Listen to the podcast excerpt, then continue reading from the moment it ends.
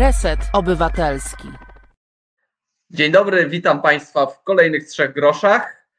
E, dzisiaj, proszę Państwa, temat e, bardziej e, do przemyśleń, temat bardziej do zastanowienia się, a mniej techniczny, czy, czy bardzo techniczny. Porozmawiamy dzisiaj o liberalizmie. Dlaczego wybrałem ten temat? Wybrałem ten temat z kilku powodów.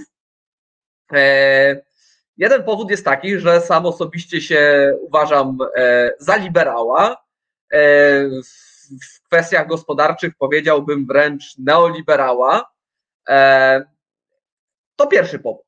Drugi powód jest taki, że liberalizm ma w Polsce nie tylko w ostatnich latach bardzo złą sławę. Słowo liberał jest częstokroć używane w postaci wręcz obelgi tak? Ty liberale, ty neoliberale, typowy neoliberał, neoliberalne myślenie, wszystko oczywiście w negatywnych konotacjach. Pojawiła się nawet książka pod znamiennym tytułem Dziecięca choroba neoliberalizmu. Nie, przepraszam, Dziecięca choroba liberalizmu jako takiego, e, napisana przez niejakiego redaktora Wosia, e, z którą zresztą swego czasu napisałem, do której napisałem zresztą dość długą recenzję. Jeśli ktoś jest zainteresowany książką, zapraszam do poczytania e, recenzji najpierw, a później zastanowienia się, czy w związku z tym warto książkę y, y, też przeczytać. E, liberalizm jest obarczany odpowiedzialnością za bardzo wiele rzeczy, które dzieją się y, w Polsce i na świecie. E, pewnie za część tych rzeczy słusznie, za inną część tych rzeczy pewnie mniej słusznie. E, natomiast samo pojęcie jest dość szerokie e, i y, co się rozumie przez liberalizm bardzo mocno zależy od tego, kto o tym liberalizmie e, mówi. Co do zasady, liberalizm to jest taka szkoła myśli, która mówi, że wolność ludzka jest jedną z najważniejszych wartości, jaką mamy, i ta wolność powinna być stawiana przed wieloma innymi wartościami, kiedy staje w niej konflikcie. E, oczywiście to nie znaczy, że wolność ta nie ma żadnych granic. Jedną z podstawowych granic, którą ma wolność nasza, to wolność innych, czyli mogę robić co też tylko sobie mi się podoba, jak długo innych wolności nie naruszam.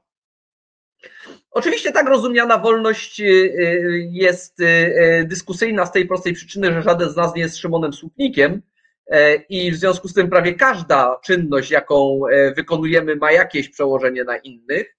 E, no ale to już zupełnie inna kwestia, która pozwala wyważać pewne wartości. Na przykład tutaj bardzo ciekawą dyskusją dla mnie osobiście jest kwestia na przykład przymusu szczepionkowego czy nasza wolność osobista do odmowy szczepienia jest tutaj wartością nadrzędną, czy powinna jednak ustąpić innym, e, e, innym wartościom. To, co e, w jakiś sposób się przekłada, przede wszystkim jeśli chodzi o liberalizm, to to, co rozumiemy, to liberalizm gospodarczy. I tutaj pani Bożena pyta o teorię skapywania bogactwa i czy ona się mieści w teorii liberalizmu. Ona, sama teoria, sama kwestia liberalizmu gospodarczego i dobrobytu to jest sam, to, to już sam z siebie jest ciekawy e, element. E, I zaraz wrócę do pani Bożeny pytania, ale najpierw kilka słów wcześniej. Oczywiście liberał jest zwolennikiem liberalizmu gospodarczego, to znaczy możliwie szerokiej e, wolności gospodarczej w zakresie prowadzenia działalności gospodarczej i swoich własnych spraw. Co to znaczy? To znowu jest bardzo zróżnicowane od skrajnego libertarianizmu, który mówi o tym, że w ogóle państwa najlepiej, żeby wcale nie było, po ordoliberalizm, który mówi, że państwo jak najbardziej jest potrzebne do tego, żeby ustalać pewne reguły i egzekwować. E, jednak każda z tych myśli mówi e, o tym, że e, każdy z nas powinien być w stanie samodzielnie prowadzić swoje sprawy gospodarcze. Zupełnie osobną sprawą jest, że okazało się w toku dziejów, że gospodarki liberalne radzą sobie lepiej od innych gospodarek, które do tej pory żeśmy spróbowali. Stąd wielu zwolenników liberalizmu gospodarczego zasadza swoje, swoją e, ideę, że ten liberalizm gospodarczy jest lepszy, właśnie argumentem efektywności. Jestem liberałem gospodarczym, bo gospodarki liberalne lepiej sobie radzą, a ja chcę mieć dobrobyt. To nie jest sensu stricte do końca faktyczny liberalizm sensu stricte, dlatego że liberał byłby E, e, e, zwolennikiem liberalizmu gospodarczego, nawet gdyby wynaleziono inny system gospodarczy, który radzi sobie lepiej od liberalnego. Bo jemu nie chodzi o efektywność tego systemu, tylko o to, że w nim wolność jest najbardziej respektowana. Pani Bożena pyta o skapywanie bogactwa. To ja może kilka słów powiem, co to znaczy skapywanie bogactwa. Albo innymi słowy, takie powiedzenie, że przypływ podnosi wszystkie łodzie. Jest to idea, że jeżeli w gospodarce dzieje się dobrze, jeśli ona się efektywnie rozwija i jest w niej coraz więcej, e, to e, wszystkim poprawia się jakość życia, albo prawie wszystkim. To jest ten, ta, ta teoria, że to bogactwo skapuje i jeśli w gospodarce dzieje się lepiej, to dzieje się lepiej e, wszystkim. I proszę Państwa, Yy, pomyślmy na tę chwilę, bo bardzo wiele osób mówi, że teoria skapywania się nie sprawdziła. Zauważmy kilka rzeczy. Pierwsza rzecz, o której chcemy powiedzieć, to to, że rzeczywiście liberalizm gospodarczy no, triumfuje w świecie od przynajmniej trzech dekad, być może nawet trochę dłużej. To znaczy, więcej i więcej tego liberalizmu w większości świata E, mm, mamy. E, zobaczmy, co się stało. To znaczy, jakie są efekty tego, mm, e, tego wzrostu gospodarczego światowego wywołanego liberalizmem. Czy to bogactwo skapnęło do najuboższych? Tutaj odpowiedź jest jednoznaczna na podstawie wszelkich danych tak. Tak niskiego poziomu biedy, jak obecnie, nie było nigdy w historii. Absolutnie nigdy. W każdym praktycznie miejscu, poza tymi miejscami, które są albo od tego liberalizmu odcięte, jak w Korei Północnej, albo zupełnie w stanie zupełnego chaosu, czyli ogarnięte wojnami, to we wszystkich innych krajach e, wzrost gospodarczy spowodował poprawę e, bytu wszystkich, łącznie z najbiedniejszymi. Jeśli popatrzymy na Polskę chociażby, E, to e, dochody od 1989 roku wzrosły o, e, dla każdego decyla dochodowego, od najbiedniejszych do najbogatszych i to bardzo szybko wzrosło. Więc tak, teoria skapywania zdaje się być poprawną teorią. Rzeczywiście tak jest, że kiedy mamy wzrost, to bogactwo rośnie praktycznie u wszystkich. Aczkolwiek Teoria, e, e, co jest przy, w, w, pewien sposób podnoszone tutaj przy, przy tej okazji, jest wzrost nierówności. I ten wzrost nierówności rzeczywiście też obserwujemy i on niewątpliwie jest efektem liberalizmu gospodarczego. Czy to oznacza, że bogactwo nie skapuje? Nie, nie oznacza, bo ono skapnęło, tak? Jest biednym znacznie lepiej niż było. Ale teoria skapywania nie zakłada, że wszyscy będą mieli tyle samo, tylko że wszystkim się będzie poprawiało to jest dość częsty taki mm, e, niezrozumienie tego elementu teorii skapywania. E, tutaj pani znowu pyta, czy w ramach liberalizmu jest podtrzymywana teoria nieograniczonego wzrostu PKP, e, PKB, przepraszam. Znaczy, liberalizm nigdy czegoś takiego nie zakładał. Tak? I właściwie nie znam teorii ekonomicznej czy jakiejkolwiek innej, mówiącej o tym, że PKB może rosnąć E, nieograniczenie. E, oczywiście on rośnie dużo bardziej, już urósł dużo bardziej niż komukolwiek wydawało się, że jest możliwe, aczkolwiek wydaje się, że takie limity gdzieś muszą być. Prędzej czy później, no bo zasoby i efektywność ich wykorzystania być może jest w jakiś sposób ograniczona. Być może nie, nie wiem, tego nie wie nikt. Natomiast na chwilę obecną logicznym wydaje się, że mamy tutaj pewne ograniczenia w zakresie wzrostu tego PKB. Ale liberalizm nic o tym nie mówi. To znaczy, z punktu widzenia liberalizmu, czy PKB jest ograniczone, czy nie jest ograniczone, jest zupełnie nieistotne. Istotne jest to, że my w ramach swojej wolności możemy wybrać to, co dla nas jest najlepsze. Nasza wolność jest najistotniejsza, a nie wzrost PKB czy jego nieograniczoność tego wzrostu. To są jakby dwie rzeczy zupełnie od siebie niezależne. Ale, tak jak pan Darek zauważył, demokracja jest w wielu punktach sprzeczna z liberalizmem i owszem. E, a w każdym razie z pewnymi pojmowaniami liberalizmu, takim jak anarchokapitalizm, libertarianizm, który uważa, że jakakolwiek, jakiekolwiek ograniczenie wolności, także wolą większości, jest z tym liberalizmem niezgodne. I rzeczywiście było bardzo wiele odłamów, istnieje bardzo wiele odłamów liberalizmu, które odrzucają demokrację czy jakiekolwiek struktury państwowe. E, no, te odłamy są dość niszowe, choć głośne. E, u nas zwą się często wolnościowcami czy e, libertarianistami, libertarianami, natomiast trzeba wziąć pod uwagę, że, mm, że główny nurt liberalizmu mm, pogodził się z czymś takim jak demokracja liberalna. I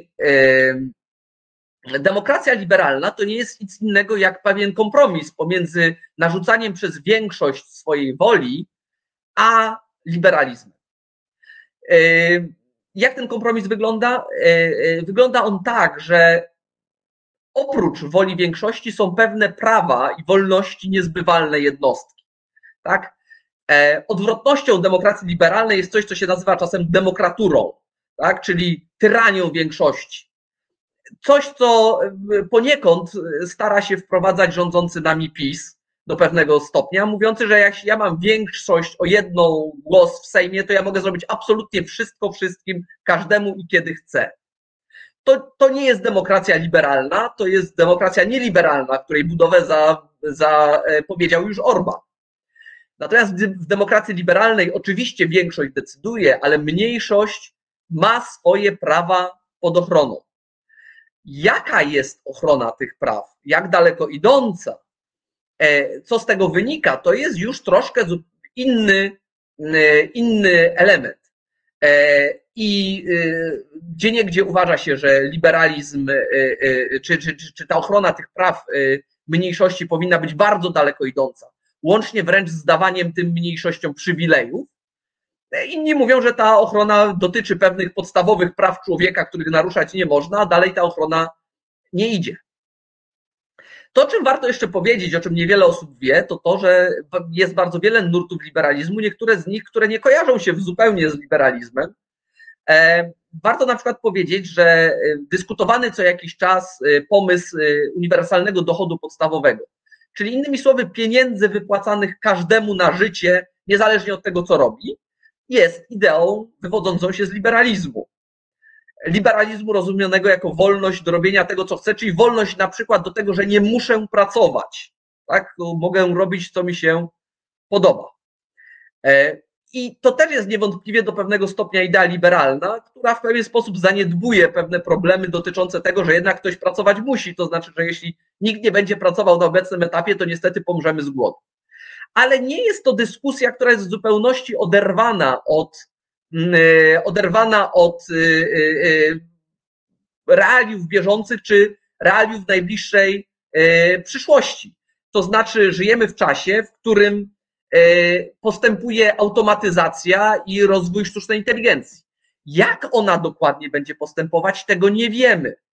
Nie postępuje do końca tak mocno i tak szybko, jakbyśmy chcieli, czy jakbyśmy sobie wyobrażali. To znaczy, e, e, często, często jest tak, że, mm, że mm, mm, często sobie wyobrażamy, że to jest tak, że te roboty nas już w tej chwili we wszystkim zastąpią, tak do końca nie jest.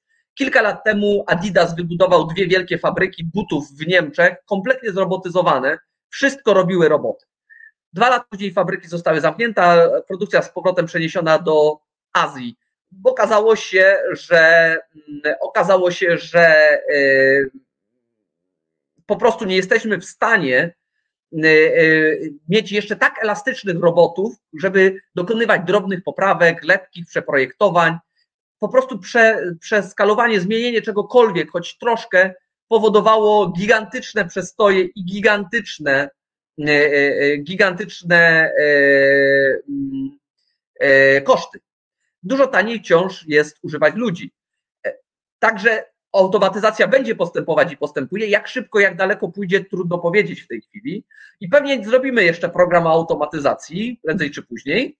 Natomiast y, dzisiaj już wiemy, że y, problem jest taki, e, y, że jeżeli ta automatyzacja rzeczywiście postąpi i rzeczywiście okaże się, że nie ma komu dawać pracy, bo wszystko będą robić roboty, to wtedy być może idea uniwersalnego dochodu podstawowego okaże się być ideą, którą zastosować będzie trzeba, niezależnie od tego, czy ktoś ma poglądy e, e, liberalne, e, czy jeszcze jakieś inne.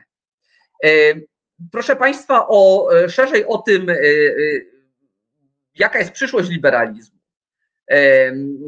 i jak on się zmienia i jak, jaką rolę ma do odegrania, porozmawiamy sobie już e, za chwilkę po przerwie. E, z naszym gościem, dzisiaj naszym gościem jest dr Jan Tokarski, historyk, filozof, no i redaktor przeglądu politycznego. A także do, do pytania pani Bożeny wrócimy zaraz po tej muzycznej przerwie. Zapraszam na przerwę. Reset Obywatelski działa dzięki Twojemu wsparciu. Znajdź nas na zrzutka.pl. Witam po przerwie. Cześć Jaśku. Cześć Tomku. No to porozmawiamy sobie dzisiaj o ideach i o przyszłości idei. A powiedz mi, dla, tak jak powiedziałem, liberalizm to jest dość szerokie pojęcie. Jak ty, jak ty to rozumiesz? Wiesz, to zgadzam się ze sporą częścią tego, co ty narysowałeś we wstępie, ale pewnie, pewnie nie ze wszystkim. I mm, bardzo bliskie jest mi to, co powiedziałeś, że są e, Y, bardzo różne liberalizmy i pewnie nie, nie co do wszystkich rzeczy wszyscy liberałowie będą się ze sobą zgadzali. Tak? Znaczy liberał, liberalizm y, ma wiele twarzy i zresztą to nie jest jego jakaś szczególna cecha. Wydaje mi się, że podobnie jest z konserwatyzmem czy z myślą postępową. To też są wszystko zjawiska wielonurtowe. Dla mnie liberalizm jest przede wszystkim jednak y, filozofią polityki, a nie filozofią ekonomii. I, e, I w związku z tym, jeśli mógłbym sobie pozwolić na krótki komentarz do tego Twojego rysu historycznego, który, który zrobiłeś, to y, no, no ja bym właśnie chciał naświetlić krótko dość skomplikowane, przynajmniej bardziej skomplikowane niż nam się wydaje często, związki liberalizmu jako e, pewnej doktryny, czy, czy pewnej, pewnego nurtu myśli politycznej i liberalizmu jako no, leseferyzmu, tak to nazwijmy, gospodarczego, tak, takie właśnie w, w, w, doktryny, doktryny ekonomicznej. Więc i tu trzy czy cztery punkty bym, bym chciał takie krótkie powiedzieć. Więc liberalizm się nie, nie, nie rodzi się jako ruch e, walki z państwem w imię rynku. Rodzi się jako ruch walki z państwem opresyjnym w imię Państwa, które byłoby, no, no, właśnie, tolerancyjne, y, w którym prawo byłoby stabilne, tak naprawdę kluczową rzeczą od początku dla liberałów jest y, nie to, żeby nawet, nie, nie to, żeby nie podlegać jakiejkolwiek władzy, tylko to, żeby nie podlegać władzy, która by była arbitralna, która by, która by była wynikiem czyjegoś kaprysu, tak? która by, no dzisiaj powiedzielibyśmy, działałaby bez żadnego trybu. Tak? E, e, to jest, to jest sprężyna, która, która uruchamia, jakby w ogóle otwiera liberalną perspektywę. E, I nawet początki leseferyzmu w tym sensie, one dotyczą przede wszystkim swobody wyboru zawodu. Prawda? Swobody przemieszczania się, takich rzeczy, takich swobód, które właśnie rynek oferuje, a na którym nie było miejsca w takim społeczeństwie, jakie wówczas, w takich społeczeństwach, jakie wówczas w Europie istniały, czyli w społeczeństwach feudalnych. Tak? Znaczy liberalizm co do, co do co tutaj w swoich samych pierwszych początkach jest, jest nawet nie tyle antyetatystyczny, tylko antyfeudalny po prostu. no ale weź pod uwagę, że ten proces się toczył. Mhm. Myśmy, myśmy tą, te, te, te, te bariery właściwie pod koniec XX wieku tak naprawdę w Europie znieśli poprzez wprowadzenie wspólnego rynku w ramach Unii Europejskiej, gdzie można było się swobodnie przemieszczać, swobodnie towary przesyłać i tak dalej, i tak dalej. Tak, tak, dokładnie. I to jest, i to jest wiesz, jeden z moich ukochanych liberałów, Montesquieu, pisze w O duchu praw bardzo ciekawie na temat, no on tego nie nazywa oczywiście leseferyzmem, tylko pisze o, wolnym handlu, tak? I on pisze, to jest bardzo znamienne, bo on pisze o wolnym handlu, chwaląc go, ale, ale chwali go wyłącznie za skutki nieekonomiczne. Znaczy, chwali go za to, że, y, y, że wolny handel łagodzi obyczaje, zmusza ludzi do kompromisu, zmusza do uzgadniania y, pewnych rzeczy, sprawia, że wojna staje się mniej prawdopodobna. Tak? Znaczy, to, jest, to jest jeden z fundamentalnych dla Montesquieu'a aspektów wolnego handlu. Po czym dosłownie parę stron dalej dodaje, że w, w państwach despotycznych Y, kupcy nie są krępowani właściwie żadnymi prawami, a w państwach wolnych bardzo wieloma. Y, prawda? Więc, więc znowu tu się pokazuje ta wizja, że to, to nie jest tak, że y, państwo ma się całkowicie, niekoniecznie jest tak, że liberałowie twierdzą, że państwo ma się całkowicie wycofać. Jeszcze jest ciekawe. Ale znowu, znowu, znowu zrobię paralelę z tamtych czasów do dzisiejszych, tak? Mhm. W państwie despotycznym, jakim jest Rosja, kupcy, czyli oligarchowie nie są związani żadnymi prawami, tak? Natomiast Dokładnie. w krajach, gdzie, gdzie rządzi liberalizm, no jednak tych ograniczeń mają całkiem sporo i czasem po łapach nawet dostaną. Choć gdzie niegdzie już coraz mniej.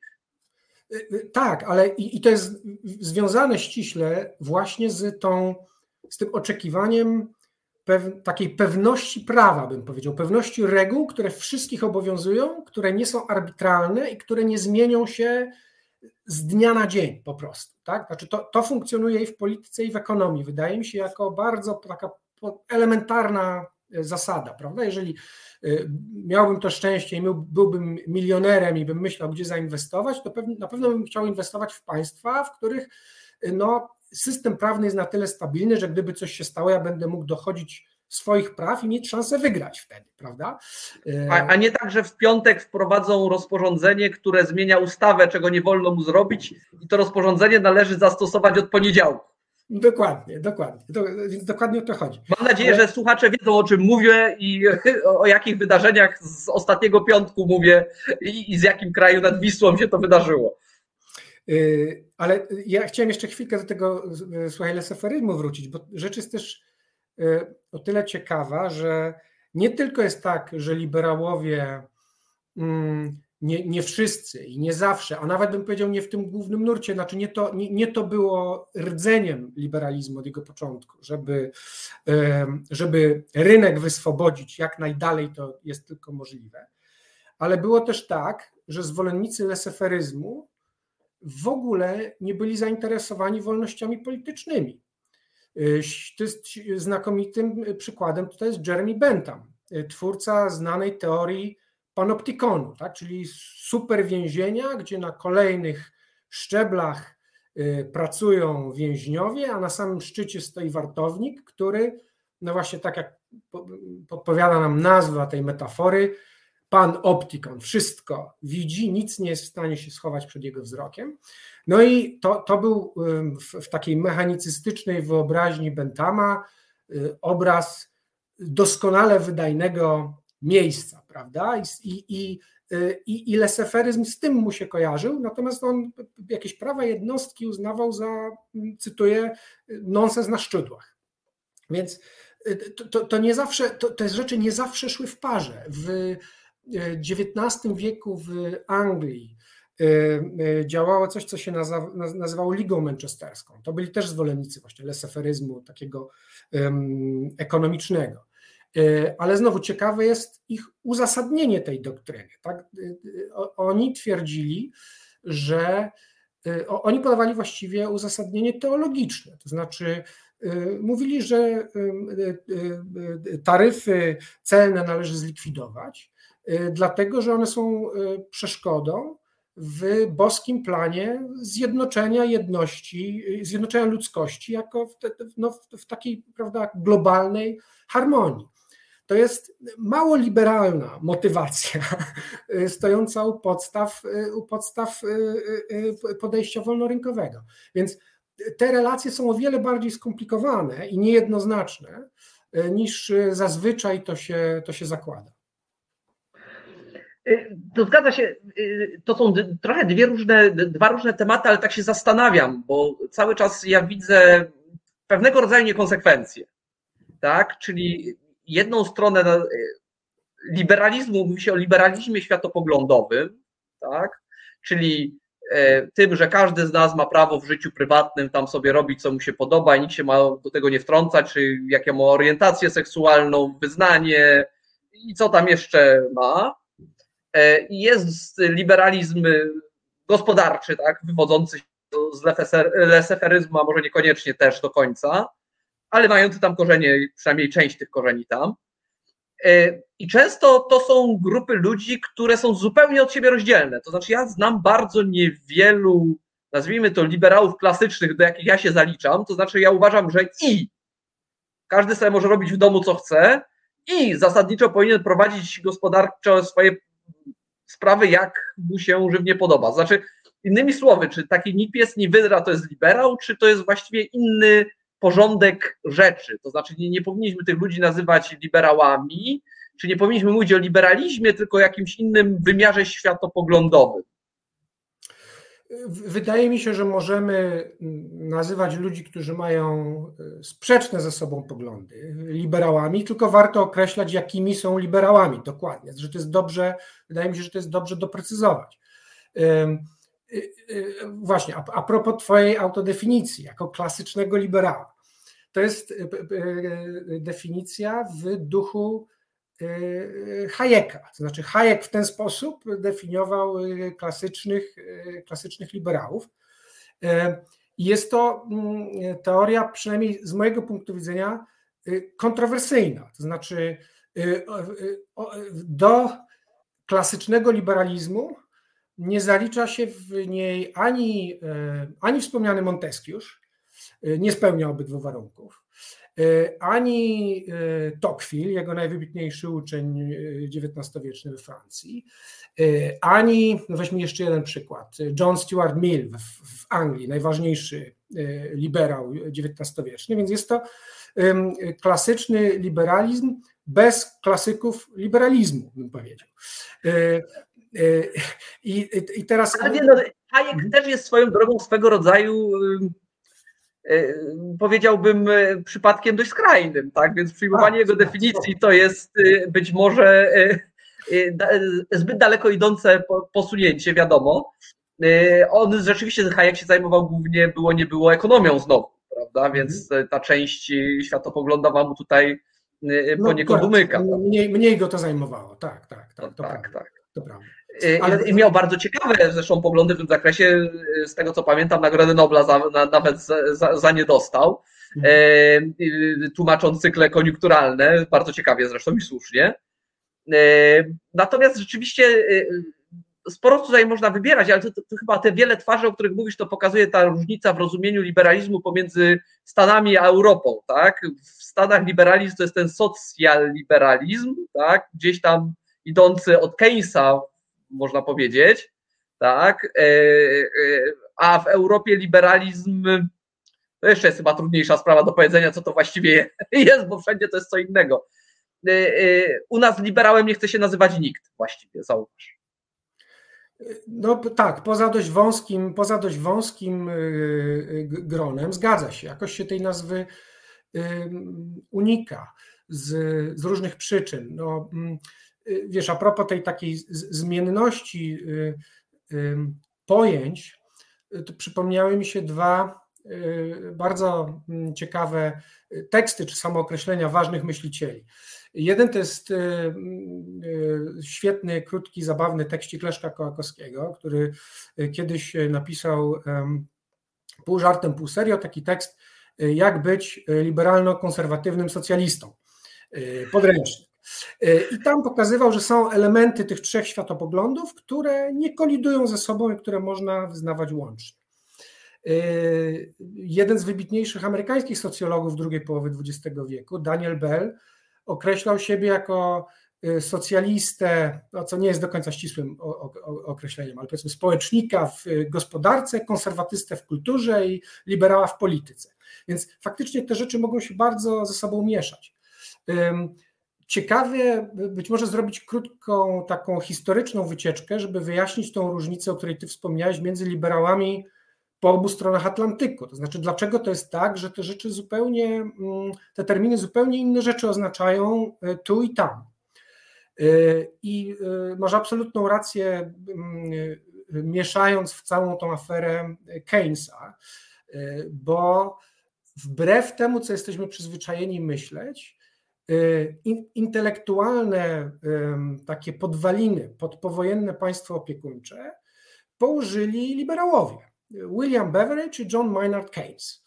Y, zrealizowali je te, te, te, oczywiście w praktyce głównie w, w, różnych państwach Europy, głównie socjaldemokraci i chrześcijańscy demokraci, ale y, i same idee były liberalne i były liberalne w tym sensie, że no, z doświadczenia katastrofy wojennej Keynes wyniósł takie przeświadczenie, że y, absolutnie kluczową sprawą jest zapewnienie ludziom poczucia bezpieczeństwa. Jeżeli ludzie nie będą mieli poczucia bezpieczeństwa, pierwszą rzeczą, z, jaką, z, jaką, z jakiej zrezygnują, będzie wolność. Więc, y, y, więc, y, to, więc tą taką, te zabezpieczenia socjalne, nacisk na łagodzenie cyklu koniunkturalnego, możliwie pełne zatrudnienie i tak dalej, i tak dalej, to się wszystko wrodziło wskutek poczucia tej, tej kruchości. I w Stanach Zjednoczonych adwokatem takiego stylu myślenia był m.in. John Dewey, I, y, no i to też się przełożyło na na przykład politykę Franka, y, Franklina Delano Roosevelta. I tam w Stanach to połączenie, powiedzmy, takiego społecznego liberalizmu pozostało, natomiast w Europie one się, te pojęcia się rozjechały i, i tutaj no, masz, masz rację. Właściwie, właściwie trudno jednoznacznie powiedzieć, kiedy mówimy liberał w Europie, kogo mamy na myśli. Tak? Czy, to, czy to jest neoliberał gospodarczy, czy to jest liberał światopoglądowy, E, czy może, no to są po prostu ludzie. Wolnościowiec tak zwany, tak? Nas takie pojęcie jak wolnościowiec. No tak, ale wiesz też, e, ja, ja bym jeszcze dodał ten wymiar polityczny do tego, to znaczy, czy to są ludzie, którzy e, no na przykład uważają, że fundamentem dobrego państwa jest trójpodział władzy i w momencie, jak on jest zakwestionowany, no to, mm, no to przestajemy żyć w wolnym kraju. Tak, no kwestia liberalnej demokracji jest tutaj dość istotna i dość jasne definicje i deklaracje mówiące o tego, że odchodzimy od liberalnej demokracji, to jest też część ataku na liberalizm, jakby nie było. No ja teraz właśnie y, do, zastanawiam się, dla tych wszystkich ludzi, którzy czują się liberałami, albo są liberałami, ale o tym nie wiedzą, że są liberałami, tak, bo, bo wyznają pewne wartości y, w tym zakresie. Powiedziałeś, że dla liberała ważne jest y, często stabilność państwa, jego przewidywalność i ograniczenie praw tego państwa wobec obywatela tak, żeby nie mogło państwo zrobić obywatelowi wszystkiego, co mu się... Tak, tak, tak. Tak. Mhm. tak. E, co nie znaczy koniecznie, że to, to państwo ma nie istnieć, ma nie istnieć, mają nie istnieć podatki, mają nie istnieć regulacje, innego rodzaju ograniczenia. Wręcz przeciwnie, ordoliberalizm prawda, mówi o tym, że, te, że, że, że regulacja państwa powinna być silna, tak, ale równa i sprawiedliwa dla wszystkich, tak aby e, pole gry było wyrównane i, i odpowiednio działającej. Niemcy na tym ordoliberalizmie wyszli całkiem nie najgorzej. Ten, ta, ta cała gospodarka na tym jest u nich w dużej mierze zbudowana. No ale teraz znajdujemy się w sytuacji, w jakiej się znajdujemy. To znaczy, mamy duży odwrót od liberalizmu właściwie na całym świecie, gdzie niegdzie trwalszy, tak jak u nas, gdzie niegdzie mniej trwały, ale nie wiadomo na jak długo mniej trwały, tak jak E, w Stanach Zjednoczonych, czy do pewnego stopnia w Wielkiej Brytanii, choć też można bardziej debatować na ten temat. E, ruchy antyliberalne, nazwijmy je, rosną w siłę. Jaka jest rola i przyszłość liberalizmu w świecie, w którym jego główne problemy, słusznie czy nie, takie jak problemy ekologiczne, problemy z nierównościami, na przykład, są przypisywane temu liberalizmowi? To znaczy, czy po pierwsze, czy rzeczywiście słusznie, czy też niesłusznie, i po drugie, co dalej? Czy w takim razie liberalizm wyprowadzić sztandar, czy, czy co zrobić? E, wiesz, nie, nie, nie, wiedziałem, że zaprosiłeś mnie jako człowieka, który posiada odpowiedź na najbardziej palące pytania współczesności. E, Natomiast na pewno nie, nie należy wyprowadzać sztandaru, bo wydaje mi się, że faktycznie liberalizm znajduje się w kryzysie. Natomiast to nie znaczy, że liberałowie są odpowiedzialni za wszelkie złotego świata. Rzecz jest, znaczy rzeczywistość jest o wiele bardziej skomplikowana. Pewnie osobną kwestią byłoby pochylenie się, no dobrze, jakie są właściwie źródła tego odejścia od liberalizmu, tak? I to jest, i to, to jest, to jest osobne pytanie. Mi się wydaje, że y, oczywiście część, część jakiejś winy liberalizm być może za to ponosi. Mm, czy to byśmy powiedzieli, że nie wiem, jest właśnie zbyt. Y, jedni, jedni powiedzą, jest zbyt wolnorynkowy w sensie tego, że doprowadza do rozwarstwienia y, ekonomicznego, które się przekłada na kulturowe i które sprawia, że system się zaczyna rozjeżdżać. Tak? Mo, można tak powiedzieć. Można powiedzieć też, że liberalizm czasami, wydaje mi się, niektórzy liberałowie mieli i mają pewnie do dzisiaj w sobie zbyt wiele takiej, już powiedziałbym, mm, oświeceniowej pychy. Znaczy, czasami mówią tak, jakby, jakby wiedzieli, jak wszystko ma być y, ułożone.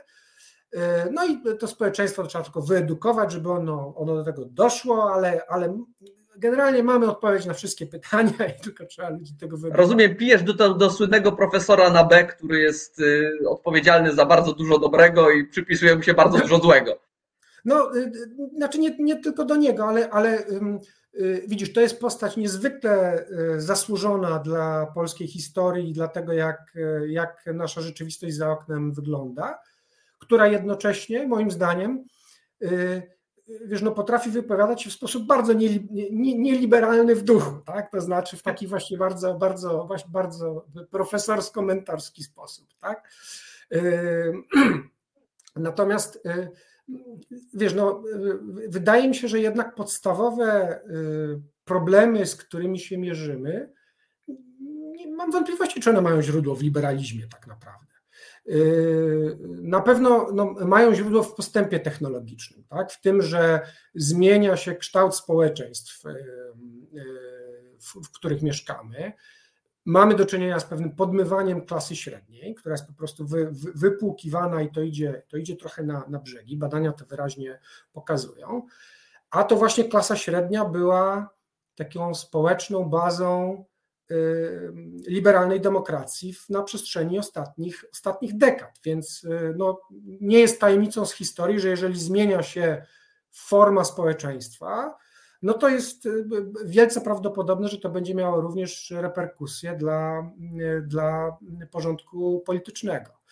Y, na pewno jest też tak, że żyjemy w świecie, który coraz dynamiczniej się zmienia i z tym się wiąże, wydaje mi się, w, w obecnie w większym stopniu nie poczucie takie, że w związku z tym otwierają się przed nami bardzo ekscytujące nowe możliwości, tylko poczucie lęku.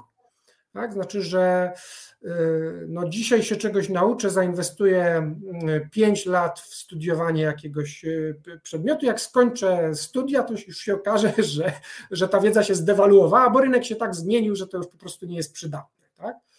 W związku z czym wydaje mi się, że nastąpił bardzo wyraźny wzrost niepewności, być może wręcz strachu w społeczeństwach szeroko rozumianego Zachodu.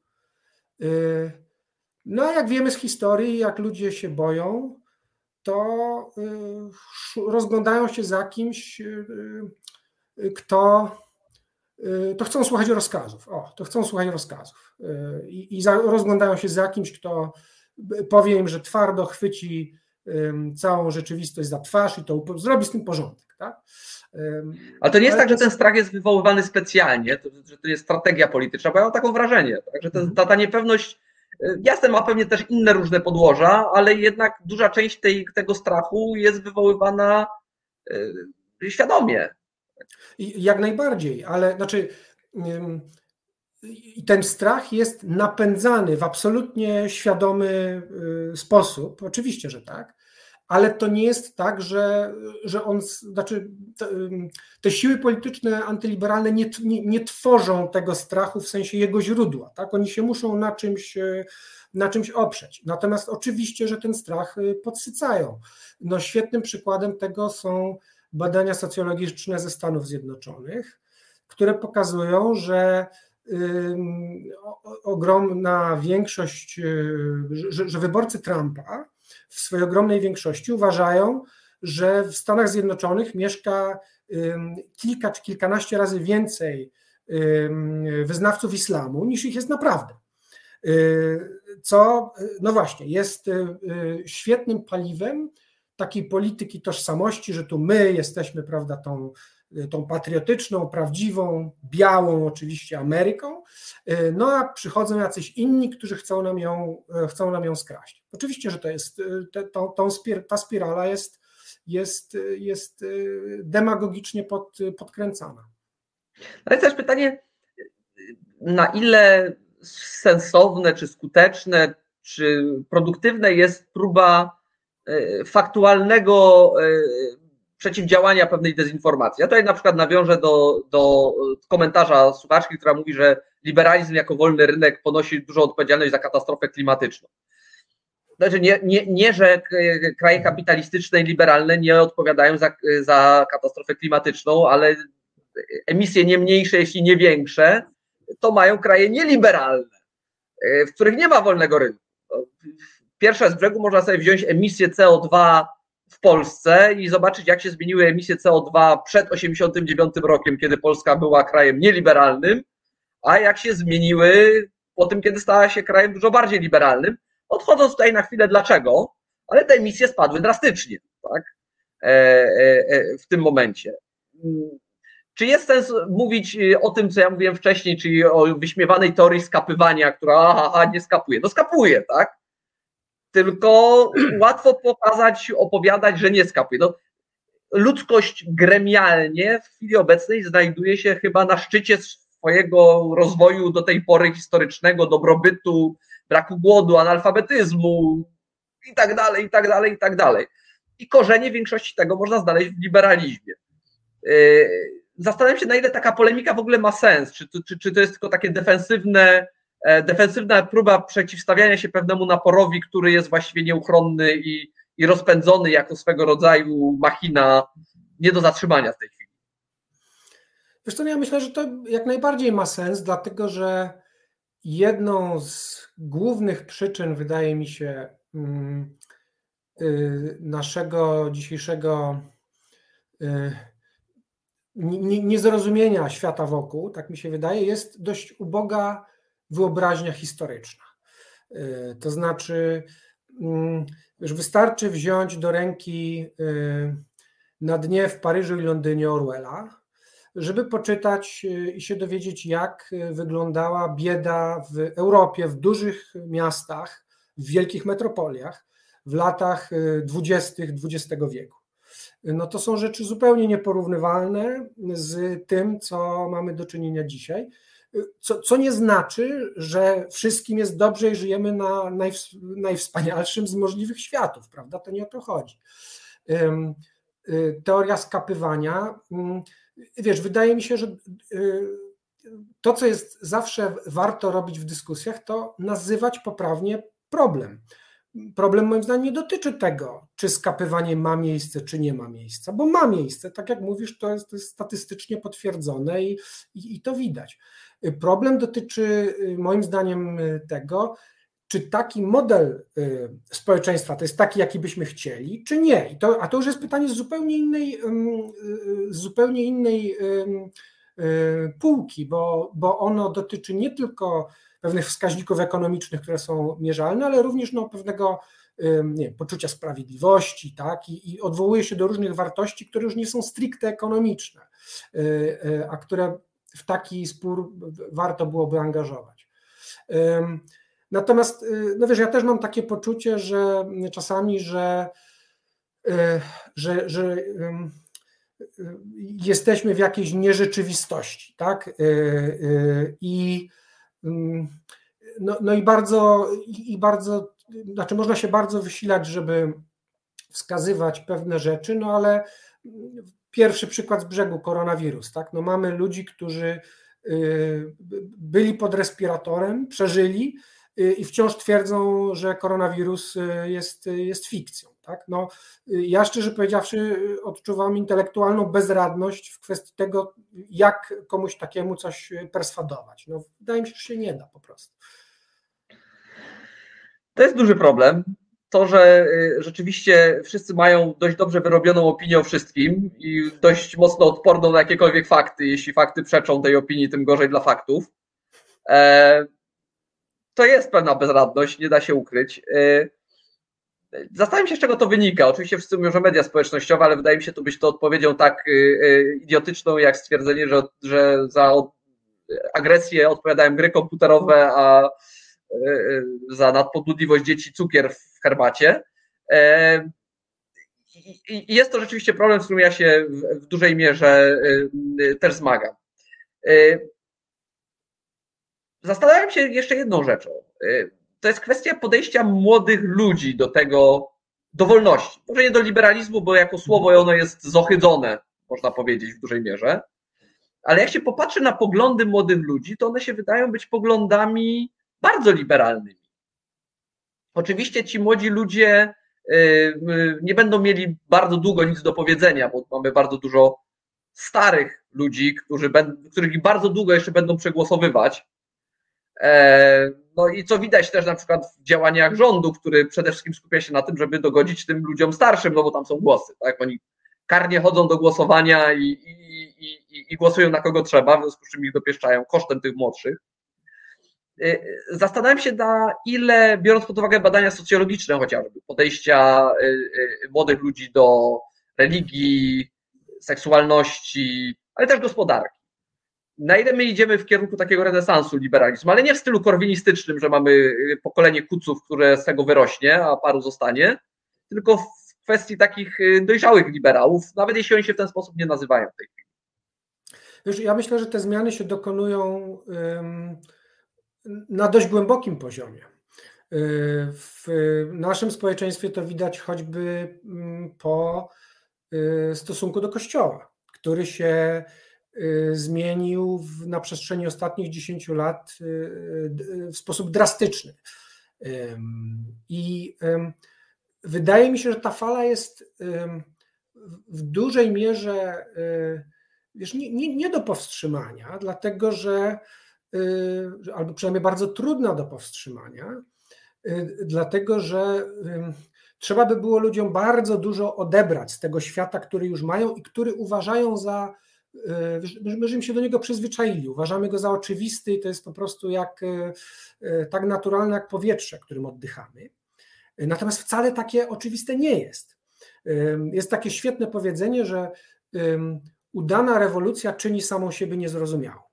I to jest dokładnie tak. Udana rewolucja znosi, rozwiązuje problem, który tkwił u jej źródeł, w związku z czym tego problemu już nie ma, w związku z czym ta rewolucja staje się niezrozumiała, no bo jakby nie mamy żywego doświadczenia innych, innych, innych warunków.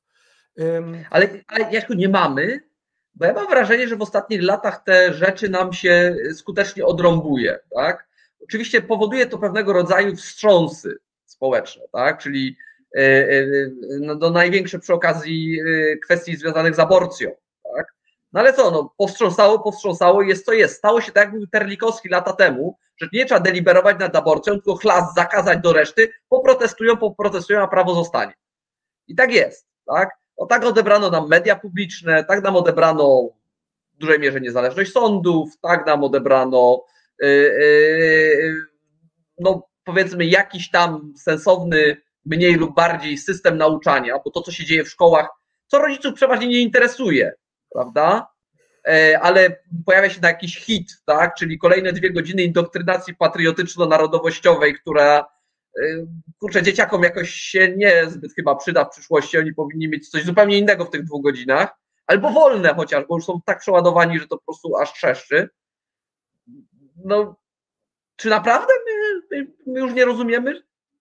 Wiesz co, ale właśnie z, z, zmierzałem zrobić to, to przejście, to znaczy to, to, to, o czym ja mówiłem, czy to kwestie stosunku do religii, i tak miałem wrażenie, że też tego dotyczyło Twoje poprzednie pytanie, czy y, nie wiem, y, roli y, kobiety w, w rodzinie, prawda?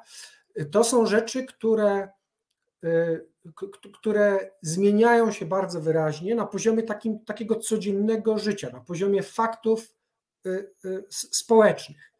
I te ruchy polityczne, które tak jak mówisz, nam odbierają po kawałku różne rzeczy, nie odebrały nam jeszcze wszystkiego, ale zabrały już, już dość sporo i mają apetyt na więcej. Y, moim zdaniem też w dużej mierze rodzą się w, w reakcji na to. Oni też są w stanie się jakby pokazywać jako y, w pewnym sensie tacy, no, no, y, chociaż są władzy, jako ci, którzy są w mniejszości, właśnie dlatego, że czują, że, że, że idą pod prąd pewnym realnie zachodzącym procesom, procesom społecznym.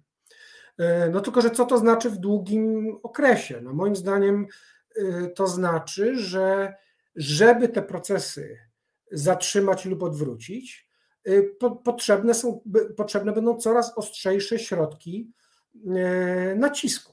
Bo inaczej ta władza będzie no, w coraz większym, coraz głębszym dysonansie względem tego, jak ludzie naprawdę żyją. Tak? Więc ona się w, ty, w tych warunkach się zawali.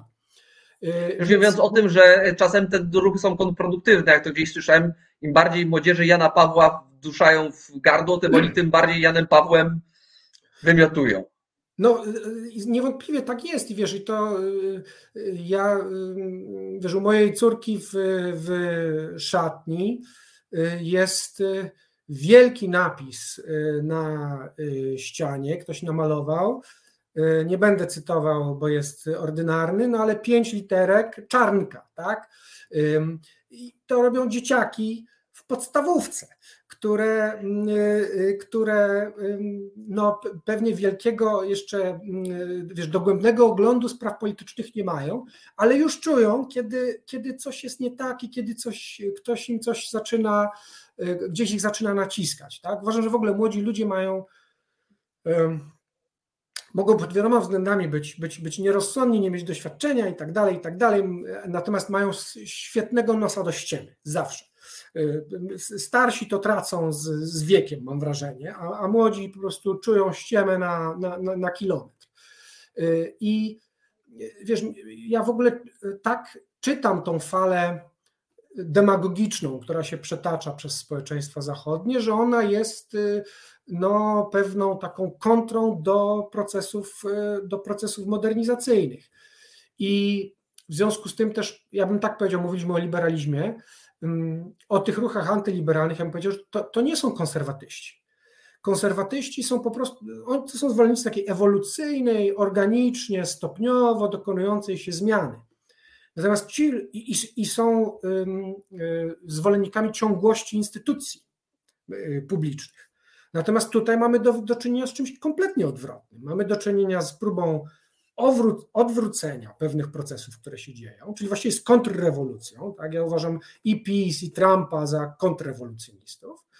Y, I no tak samo właśnie jak, jak, jak Jakobini, oni niszczą instytucje, a nie te zastane, a nie je zachowują.